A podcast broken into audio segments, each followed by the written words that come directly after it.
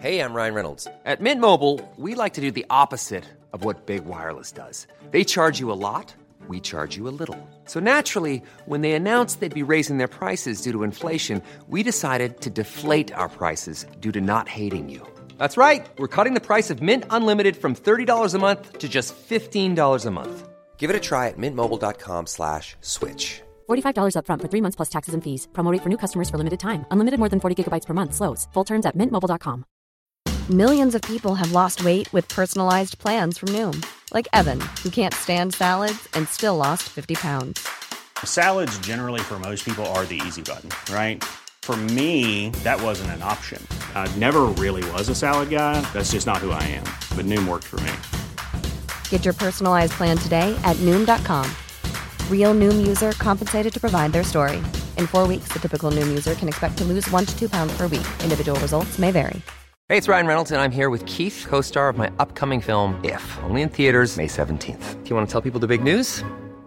All right, I'll do. it. Sign up now and you'll get unlimited for $15 a month and six months of Paramount Plus Essential Plan on us. Mintmobile.com slash switch. Upfront payment of $45 equivalent to $15 per month. Unlimited over 40 gigabytes per month. Face lower speeds. Videos at 480p. Active Mint customers by 531.24 get six months of Paramount Plus Essential Plan. Auto renews after six months. Offer ends May 31st, 2024. Separate Paramount Plus registration required. Terms and conditions apply if rated PG.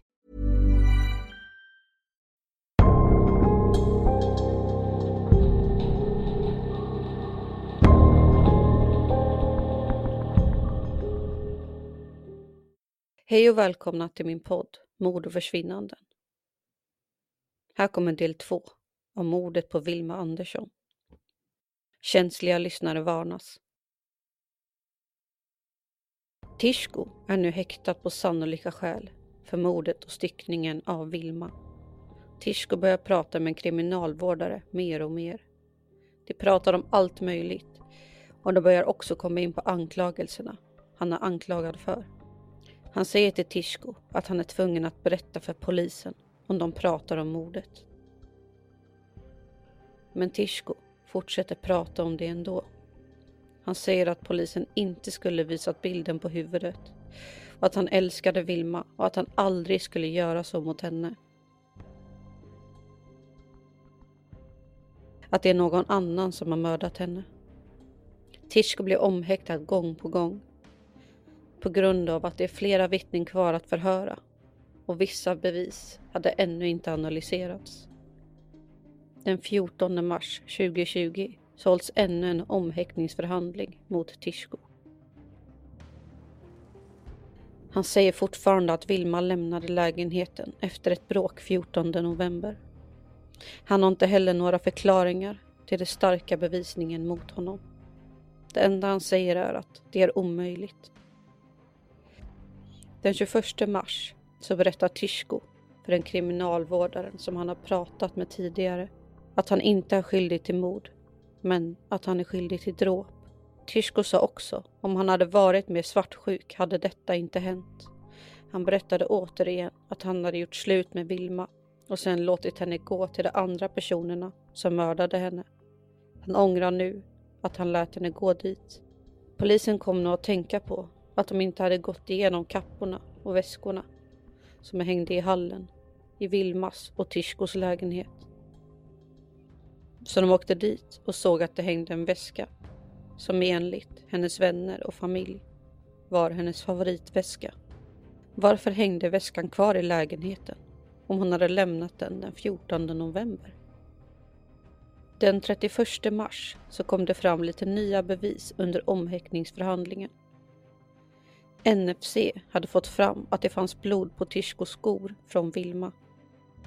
Den 14 april så skulle utredarna hålla ett så kallat slutförhör med Tishko. Det stora problemet med utredningen var att resten av Vilmas kropp inte hade hittats. Så någon dödsorsak hade inte kunnat fastställas. Jag kommer nu läsa upp lite ur förhöret. Annette åkte till en rättspsykiatrisk mottagning i Göteborg för att hålla förhöret med Tishko. Tishko hade blivit inlagd då han mådde väldigt dåligt i häktet. Annette säger detta är det sista förhöret innan åtal kommer väckas. Har du något du vill säga? Inget som jag kommer på nu, men vi kan tjata lite. Då börjar vi, säger Annette. Yes, svarar Tishko. Du sa att det inte fanns något blod i lägenheten när du greps. Och så har jag ju frågat dig hur blodet har hamnat där. Vi har hittat en massa blod, eller teknikerna. Och då har du sagt att det är vårt jobb att ta reda på det. Hur menar du då? Då svarade Tishko. Det är inte den mängden som ni säger. Ni säger. Åklagarna sa 44 spår på en häktningsförhandling. Förhörsledaren. Vad kan det finnas för blod i lägenheten som det finns förklaring på? Då svarade Tishko. Alltså, jag vet inte hur det ser ut heller, för jag vet vad blodet är. Men hittar ni till exempel blod i köket så kanske någon av oss har skärt sig och så, men jag vet inte. Jag tror min advokat sa någonting om att det fanns något spår vid balkongen, på någon vägg och det är omöjligt. Det som du tänker skulle kunna vara är att man har skadat sig i köket när man har fixat något där. Ja, men inte den mängden som ni säger. Det är omöjligt. Annette ställer en ny fråga till Tishko. Du har tidigare inte sagt så mycket. Och det är din rätt att vara tyst, det vet vi ju. Samtidigt har jag sagt flera gånger att det borde ligga i ditt intresse att berätta allt du vet. För du säger ju att du vet eller har aningar om vem det kan vara som ligger bakom. Vad är det som har hindrat dig att berätta det? Jag vet inte med säkerhet, men jag vill ju inte. Vilma antydde att hon skulle till Göteborg. Jag kan inte säga att den här personen har gjort detta, men jag kan med säkerhet säga att det inte var jag. Tishko fick ytterligare en fråga om varför Vilmas blod fanns på hans skor. Men han gav inte Anette en alternativ förklaring till varför blodet fanns där. Det han sa var det är omöjligt, det kan jag inte tänka mig. Dagens avsnitt är i betalt samarbete med Nextory. Jag har ett erbjudande till er lyssnare. Just nu kan du få sex veckor gratis lyssning på hela deras sortiment.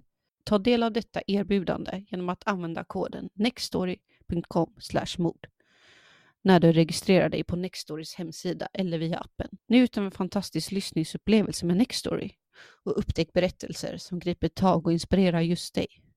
Tack så mycket till Nextory.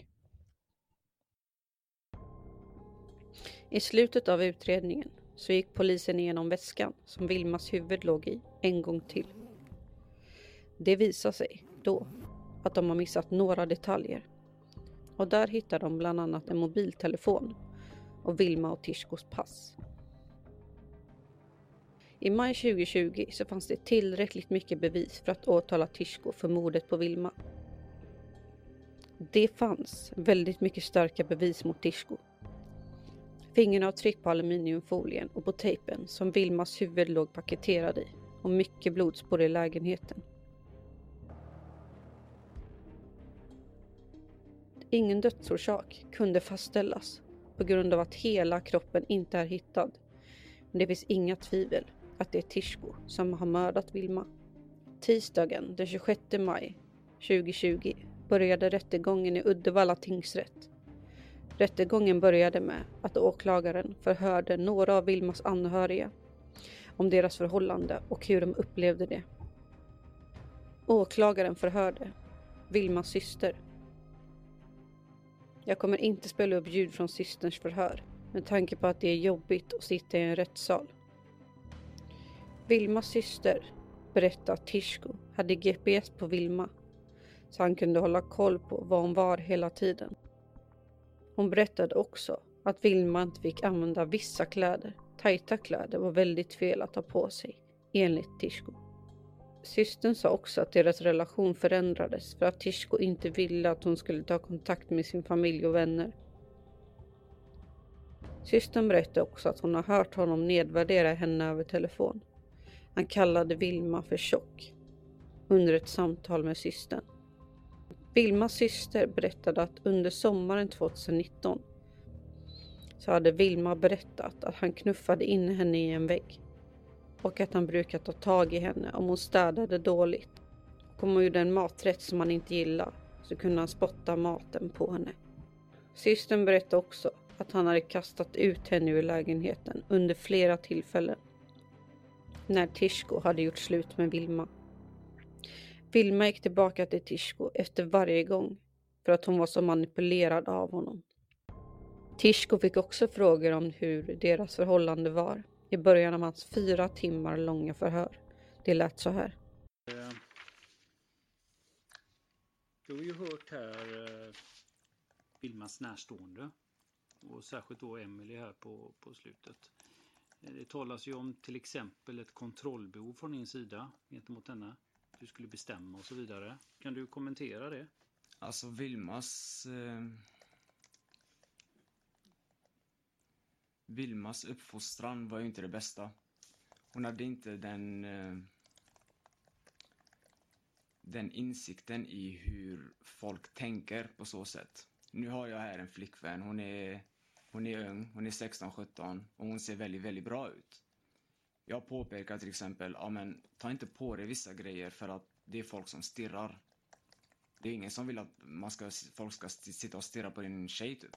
Det är, det är en självklarhet. En kontrollbehov skulle jag absolut inte kalla det. Så du hade eh, syn på hennes klädval då kan man säga. En gång så var de ju i Göteborg, då hade hon en genomskinlig byxa på sig. Man kunde se väldigt mycket. Och det påpekar jag. Jag var ju ganska upprörd över det. För att jag ser liksom, du är i, mitt, du är i centrala Göteborg och du har de här grejerna på dig. Liksom, du förstår ju hur folk är. Hur killar är. Men det här var ju 2018 då. Mm. Ja. Ja, det framgår av sms också. Hon frågar dig vilka kläder och så vidare som hon ska ta på sig. Nej, men det, är, det, är, det är sådär vanligt. Vad tycker du är fint? Vad ska jag ha på mig liksom? Men du hade synpunkter på hennes klädval? Jag uppfattar det så. Ja, hon frågar om mina åsikter. Hur var det med synpunkter på hennes eh, kompisar då? Fick hon träffa killar och hålla kontakt med killar och sådär? Alltså de flesta av hennes barndomsvänner bor ju i Lysekil och i Stenungsund. Det är där hon har gått i grundskolan. Hon får flytta mellan Stenungsund och Lysekil väldigt, väldigt mycket. Så hon byter ju skola ganska ofta. Det är första gången hon bor i Uddevalla. Hon flyttade in i Uddevalla när hon var 14. Mm. Eller 15, det är någonstans där vid sommaren 2017. Så hon kände ju inte så många i Uddevalla liksom. Barndomsvänner från Stenungsund och Lysekil har hon ju inte bra kontakt med längre. Så det var ju upp till henne. Hon träffade ju några av dem ibland när de befann sig i Uddevalla då. För hon åkte inte ofta ut. Våld då? Har det förekommit i relationen? Nej. Inte någon gång? Inte så som de beskriver det. Får du berätta eh, vad du kan säga om det då? Jag kommer inte ihåg till exempel någon whiteboardtavla eller någon vägg jag skulle ha knuffat in henne i. Nej. Men det är väldigt enkelt att hitta på sånt där i efterhand. Ja. Det kommer inte jag ihåg alls. Tishkos advokat berättade att Tishkos inställning var att han förnekade brott. Att han inte på något sätt hade orsakat Vilmas död. Och att han inte heller hade styckat hennes kropp. Några dagar senare fick advokaten möjlighet att utveckla försvaret. Och hon fokuserade på att det inte fanns en fastställd dödsorsak när det gällde Vilma. Detta innebar att man måste överväga alternativa förklaringar till att Vilma dog. Åklagaren hävdade under sin genomgång att mordet troligen skedde runt klockan sex på kvällen. Höjdpunkten under rättegången skulle naturligtvis bli åklagarens förhör med Tishko. Det hölls den 29 maj och pågick i nästan fyra timmar. De som var närvarande i rättssalen kunde höra en man som lät mycket som vi lärt känna honom under utredningen. Lite trotsig och lite självgod. Han var ibland nedlåtande mot polis och åklagare. Vid flera tillfällen under förhöret sa han också saker som var provocerande, särskilt mot anhöriga som han till och med förolämpade vid vissa tillfällen. Domaren frågade inledningsvis om det var något Tishko själv ville säga och han svarade kort och gott. Jag måste brutit mot fysikens lagar för att vara skyldig till detta. Jag kan ta frågorna nu. De intressanta delarna av förhöret kom när åklagaren bad Tishko att berätta om torsdagen den 14 november året innan, dagen då Vilma försvann. Tishko gav en lång beskrivning. Här kommer Tishkos version om vad som hände den 14 november 2019. Jag kommer nu spela upp delar av rättegången. Och då vill jag att du berättar själv med egna ord utan att jag ställer frågor om den här dagen, vad du gör den 14 november. Jag vaknar halv tolv. Och sätter på mig Playstation, tar på mig hörlurarna. Och spelar, eller så sätter jag på Netflix. Det är lite olika, det, det är typ det jag gör. Ja, och sen... Eh, det, det gör jag. Jag kanske kollar på någon film, men jag spelar ju ganska många timmar Playstation, det, det gör jag ju. Men Vilma liksom kommer fram till mig och bara vill ta en cigg med mig typ. Som vi brukar röka tillsammans fastän, ja, ja visst jag tar en cigg med dig. Och i samband med den cigaretten så börjar vi prata igen. Och grälet börjar igen. Och, ja. Liksom grälet är om allt möjligt liksom. Hon anklagar mig för att vara otrogen. Liksom vi pratar om ekonomin. Vi pratar om USA. Vi pratar om i stort sett framtiden och lite andra grejer. Och, och så liksom efter, nu är ju typ klockan, det visste ju inte jag då, men nu har jag fått veta det efter när jag lämnar lägenheten. och Så nu är klockan runt halv sex kan man säga. Liksom det blir en paus i grälet. Vi tar en dusch tillsammans. Och så blir det bra. Under den, den korta stunden där. Och så efter vi, vi går ut ur duschen så tar hon på sig kläderna typ och ja, och torkar sig och så. Så tar sätter hon sig i köket vid fönster, fönsterbänken där och så sminkar hon sig. Och jag gör samma sak. Jag torkar mig, tar på mig kläder och så går jag tillbaks till, ehm, till min fåtölj och sätter mig och spelar Playstation. Eller så kollar jag Netflix. Men eh, efter en liten stund så kommer ju Vilma tillbaks och grälet fortsätter. Och ja, det är liksom, det är ju ganska mycket vi, vi bråkar om det. Det är liksom allting på en och samma period, vet. Då snackar jag de här dagarna då. Och så som jag alltid brukar avsluta grälen mellan mig och Vilma, det är ju typ att jag tar på mig hörlurar och sätter på musik. Så stänger jag av resten av världen på det sättet. Jag går in i tvn eller spelet och så Lyssna på musiken typ. Det är så jag alltid avslutar grälen när jag inte orkar mer, när det blir för mycket. För när man grälar så blir det ju så att man eh,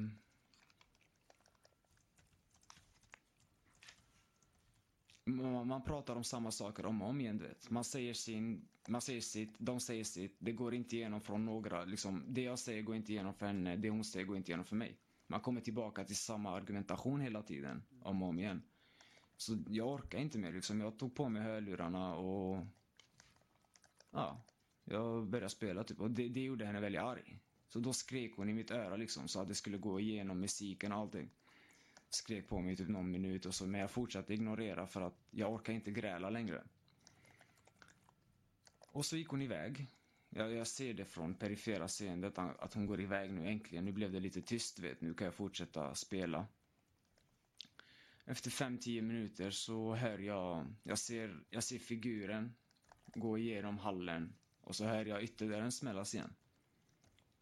Och det är det sista jag kommer ihåg från henne ja, efter 10 minuter så lägger jag ifrån mig hörlurarna och spelet. Och så går jag in i köket och dricker lite vatten. Så ser jag att hennes smink är borta. Från köksbänken. Hon drog iväg. Jag, jag, jag trodde inte att det skulle vara att hon packar ihop sina grejer. Men jag tror i all stress eller typ i den farten som hon var i. För det var ju bara en kort stund mellan det att jag tar på mig hörlurarna till att hon smäller ytterdörren. Så ser jag att hennes bankkort ligger där. På köksbordet. Så den tar jag med mig. Lägger i fickan. Tar min telefon. Tar mina hörlurar. Nycklar. Och så går jag ut efter henne. För det, det, det brukar jag alltid göra. Liksom när hon bodde hemma hos mina föräldrar. När vi bodde i lägenheten ifall hon blev upprörd och hon stannade ute så tänkte jag att det är kallt och så. Så följer jag efter henne och tar, tar, tar hem henne igen för ja, hon har ingen annanstans att vara. Så jag går ut, ut ur lägenheten och följer efter henne helt enkelt. Men jag kommer ut, jag är där i stan, jag ser inte henne. Liksom. Jag tar ett varv runt byggnaden, kollar parker och bänkarna och de här. Och hon är inte där i närheten. Jag bor ju precis bredvid Folkets park. Så hon är inte där. Så då tar jag henne på orden för under grälet så säger hon till mig att hon ska till Göteborg. Så jag går till stan. Först kollar jag, först kollar jag tågen till Göteborg. Jag ser... Eh, Heter det? det? Det är typ 30 minuter kvar tills den kommer eller något sånt där är det. Så då går jag till stan först. Jag bor två minuter från stan. Jag går dit, köper drickan, köper tändaren för cigaretterna. Och så går jag mot tågstationen. Nu är klockan kanske tio i sju. Uh, ja, jag går dit. Tåget är redan där. Den åker om en tio minuter. Jag sätter mig. Lyssnar på musik samtidigt. Uh, ja, så åker ju tåget och jag kollar, ibland så kollar jag ut genom fönstret och vi kommer fram till Ljungskile. Det är den första stationen efter uh, östra Uddevalla. Och så ser jag på perrongen på andra sidan så är det en kort tjej med ljusblont hår. Samma sorts jacka, samma kroppsspråk som Vilma. Står hon där och röker. Och jag har inga linser på mig. Jag är ju närsynt så jag ser ju inte liksom perfekt, i perfekt detalj liksom om det är hon eller inte men jag går av tåget där i Ljungskile. Jag går över övergångsstället där till den andra sidan. Jag närmar mig och så ser jag att det inte är Vilma. Tåget har åkt. Jag går tillbaka, jag kollar på tågtiderna och så. Då är det en timme kvar tills nästa tåg kommer. Och nu orkar inte jag åka till Göteborg längre. Så jag väntar på nästa tåg tillbaka till Uddevalla. Så då är klockan typ, ja det kommer inte jag ihåg nu, men jag väntar, det är typ tio minuter kvar tills den kommer. Jag kollar på den här tavlan där det, där det står. Och så plötsligt så försvinner det. Det är en störning. Tåget kommer inte längre. Det är en störning. Och eh, ja, vad fan ska jag göra nu? nu? Nu är jag här och det åker inga tåg hem. Jag vill inte ta bussen, för tar man bussen så tar det typ två, tre timmar med förbindelser och så. Så jag sätter på GPS. Jag slår in Uddevalla. Och den visar mig två timmar. Det, det finns ingen gångväg till Uddevalla från Ljungskile. Så den visar mig ingen gångväg liksom. Så då sätter jag på som bil. Då visar, mig, då visar det mig E6. Det tar två timmar. Jag, jag sätter på musik och jag börjar gå. Och så ringer ju folk, polisen, så i samband med att jag går där. Ja, polispatrullen kommer ju och de säger, ja, vad, är du inte rädd om det? Och så, ja, vart bor du? Ger de min adress? Så kör de hem mig. Släpper av mig strax utanför eh, lägenheten. Och så är jag hemma där tills söndag. Tills måndag. Jag är hemma hela söndagen också. Och sen var det lördag och sen kom söndagen. Sen kom söndag. Och då, vi kommer till den sen, men då, då lämnar du lägenheten för, för första gången då? Ska jag uppfatta det så? Uh, ja. Eller måndagen.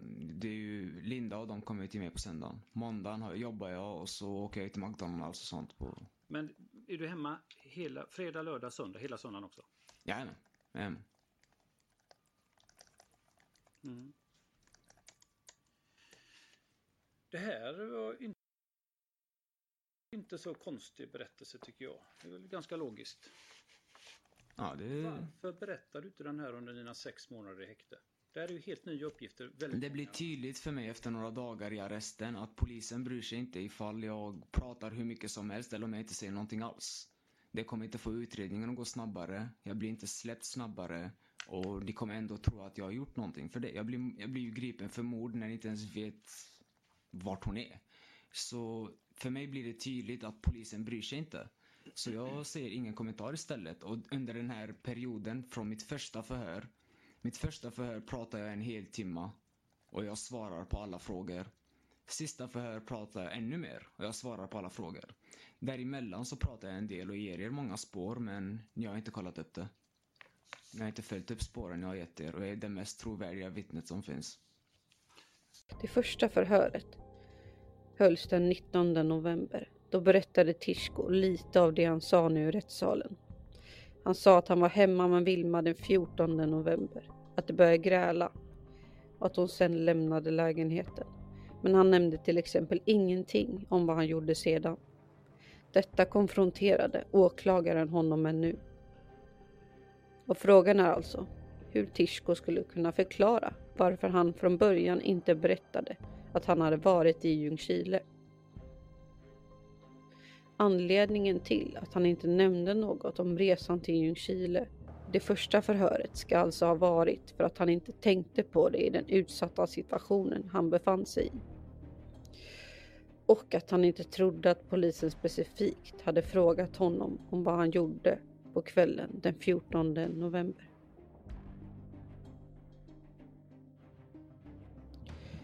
Det är konstigt att Tishko inte berättade att han var i Ljungskile då han visste att han hade blivit upplockad av en polis på E6.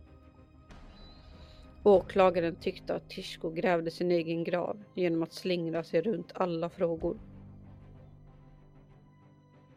Åklagaren frågade varför polisen sa att han var lerig. Och att han hade sår på händerna. Då svarade Tishko. Lera och gräsmatta och så. Ibland så kommer det en bil som typ, man ser en lastbil komma och det är härligt läskigt så man får ju akta sig lite grann. Får jag gå på leran istället.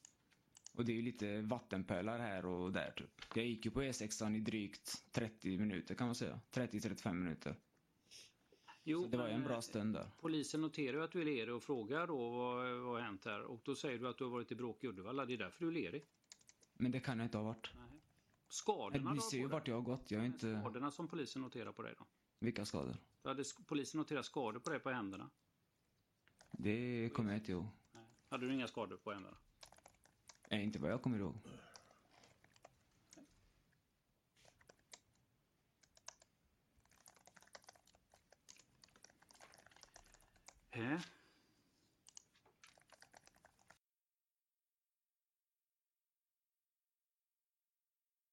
Sen frågade åklagaren också om vad han har att kommentera angående DNA-bevisningen. Då går vi in på de här fynden och, och så som har... Ja, du har hört brottsplatsundersökning och, och blodbildsanalysen här va? Och titta på bilderna. Det har ju påträffats blod i samtliga rum i den här lägenheten efter Vilma. Har du inte upptäckt något av de här blod? Det har jag aldrig sett. Det har ju städats, eh, du har ju själv sagt att du har städats, så det har ju städats i lägenheten. eh, Jag hade kommit ihåg ifall jag hade städat bort blod. det har jag inte gjort. Nej. Mm. Eh, Och så har vi sådana här kontaktspår, sådana här drag som efter blodigt hår i två dörröppningar av sovrum och toa och efter toa dörr. Ganska tydligt, det är ingenting du har sett. Nej. Sen har vi också stänk i, i, vid fönsterväggen som den kallas i brottsplatsundersökningen. Då. Det är en hel del prickar där. Ingenting som har sett. Nej. Så har vi eh, fåtöljen också. Lite rinningar och stänk så. Mest ner till men även lite upp till. Ingenting. Du har ju suttit i den fåtöljen rätt mycket säger du. Ja. Nej.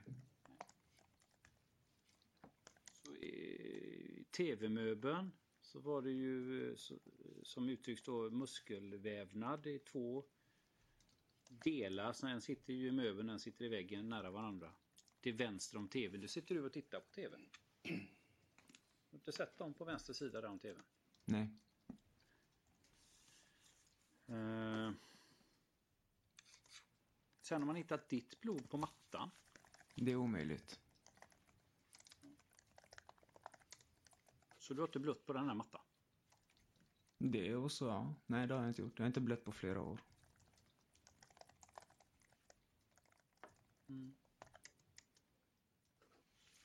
Jag tänker på att du har ju skador här. eh, samma Ja, men det var ju, 14. det, då, då har jag skärt mig. Det, kommer, ju- det droppar inte blod därifrån. Det är liksom skavsår typ eller något sånt där. När, när skar du dig på den här lampan då? Det måste ha varit lördag kväll. Mm. Eller fredag, jag vet inte. Eh, Ja. Men eh, det är ju torsdag den 14 som polisen ser skador på dina händer. Eh, det kan inte vara sant.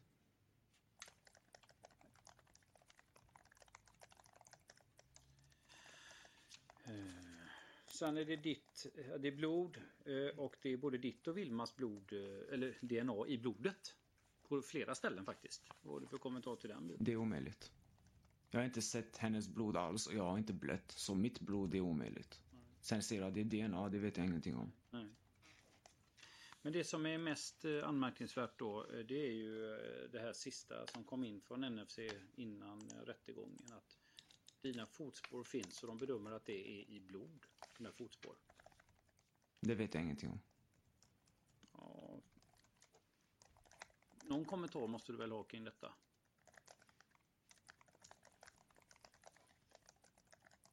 Alltså, Ingen förklaring till det alls. är det blodigt så trampar inte jag rakt in i det. Nej, jag har inte sett någon blod alls, så det kan inte jag, det kan inte jag kommentera.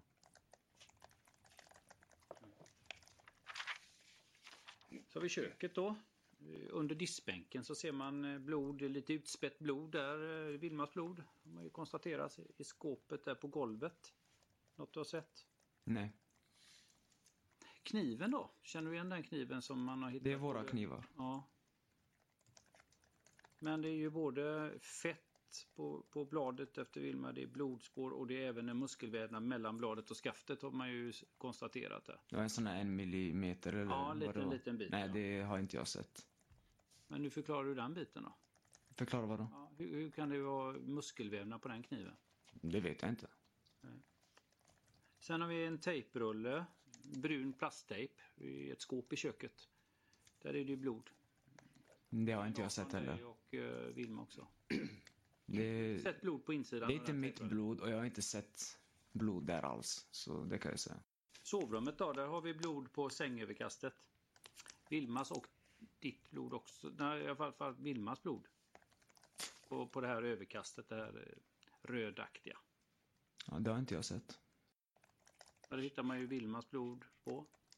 Och även Det ditt. säger ni, men det har jag ingen aning om. Det var ju ditt blod också på ett av de här kuddvaren. Det är omöjligt. På två separata ställen. Det var Vilmas blod och ditt blod på ett kuddvar. Mitt blod, det är omöjligt. Och det ligger i en påse, var det också en påse där det var ditt namn förekom? Och någon annan persons namn. Ja, den, jag har beställt från Coop innan, så det kan ha funnits i min lägenhet, men jag har inte slängt någon påse med mitt namn på. Åklagaren frågade också varför hans fingeravtryck var på folien och tejpen där Vilmas huvud var paketerad i. Vi börjar med väskan. Där kroppsdelen finns. Det är min väska. Ja, det är en väska. Ja. Eh, och så är ju dina fingeravtryck på den aluminium som är som det här kroppsdelen huvudet är förpackat i. Samt fingeravtryck på tejp. Och ditt DNA på klistersidan i någon tejpände där. Vad har du för kommentar till det? Det jag har märkt efter det jag har läst, det är ju att de har hittat två paket aluminiumfolie och så en av dem är tom och den andra är 30 centimeter drygt. Och jag köpte för inte så många dagar sedan, innan Vilma försvann, köpte jag två hela rullar med aluminiumfolie. Så de har använt min folie. Och tejpen behöver jag bara plocka upp en gång så är det, så är det där. Jag det går åt mycket aluminiumfolie hemma hos mig på grund av cannabisbruket. Men mer än så vet jag faktiskt inte. Det kan inte jag förklara alls. Så liksom, om de har använt mitt aluminiumfolie då finns mina fingeravtryck redan där. Ja, det, det här säger du ju efter sex månader häktad. Du, Vi får ju Jag har ingen lust att hjälpa till i en utan utredning när ni inte följer upp mina spår. Det låter som att du har verkligen krystat fram den här förklaringen efter sex månader. Men jag förstår ändå Jag inte riktigt jag, här. jag vill att det ska vara så tydligt som möjligt. Om de har använt mitt aluminiumfolie som de har gjort, då finns mina fingeravtryck redan där. Tishkos förklaring att någon annan ska ha mördat Vilma och sen planterat bevis i hans bostad för att skylla på honom ansågs vara tekniskt omöjligt då polisen hade bytt lås på lägenheten samma dag som Tishko greps. Att någon annan ska kommit in med reservnycklar är inte sannolikt. Sen finns det inte DNA från någon annan person på folien eller tejpen så att någon annan ska ha mördat Vilma finns inte. Men han ska ha jobbat i hemtjänsten på måndagen fyra dagar efter Vilmas försvinnande. Men under det arbetspasset åkte han hem till lägenheten fem gånger. Nu i efterhand så tror polisen att det var då han gjordes av med resten av Vilmas kropp. Han ska ha åkt till stora skogsområden runt om i Uddevalla. Vad han gjorde i de olika skogsområdena kommer vi aldrig få veta om inte Tishko väljer att berätta vad han har gjort av Vilma. Rättegången avslutades den 16 juni 2020. Åklagaren sa under sin slutplädering att motivet till mordet skulle kunna vara att han mördade Vilma för att hon valde att göra slut med honom. Och det kunde han inte acceptera. Åklagaren yrkade på livstidsfängelse och brott mot griftefriden. Tishko genomgick en större rättspsykiatrisk undersökning efter att rättegången hade avslutats. Undersökningen visar att Tishko hade starka narcissistiska drag men att han inte led av en allvarlig psykisk störning under mordet och styckningen av Vilma. Han led inte heller av en allvarlig psykisk störning under undersökningstillfället så han kunde dömas till fängelse. Domen kom den 27 juli. Tingsrätten dömde Tishko för mord och brott mot griftefriden till fängelse på livstid. Tishko och hans advokat överklagade domen till hovrätten och hovrättsförhandlingen började den 17 september och avslutades den 8 oktober. Inget nytt kom fram, utan den enda skillnaden var att Tishko hade ett tal till varför han var oskyldig. Han berättade bland annat att han älskade Vilma att han inte var en mördare och om han dömdes skulle detta fallet bli vår tids största justitiemord. Den 23 oktober kom hovrättens dom. Domen ändrades till fängelse i 18 år. Vilmas anhöriga och Tishko överklagade domen till Högsta domstolen. Vilmas familj kunde inte förstå att hovrätten inte tyckte att Tishko skulle få livstidsfängelse men Högsta domstolen valde att inte ta upp fallet. Till familjens stora besvikelse. Tishko kommer sitta i fängelse till år 2031. Då är han 34 år gammal. Jag hoppas att Vilmas familj en dag kommer hitta resten av hennes kropp så hon får den frid hon och familjen förtjänar. Tack för att ni har lyssnat. Och följ gärna podden på Spotify. Länken till min kampanjkod kommer finnas i avsnittsbeskrivningen.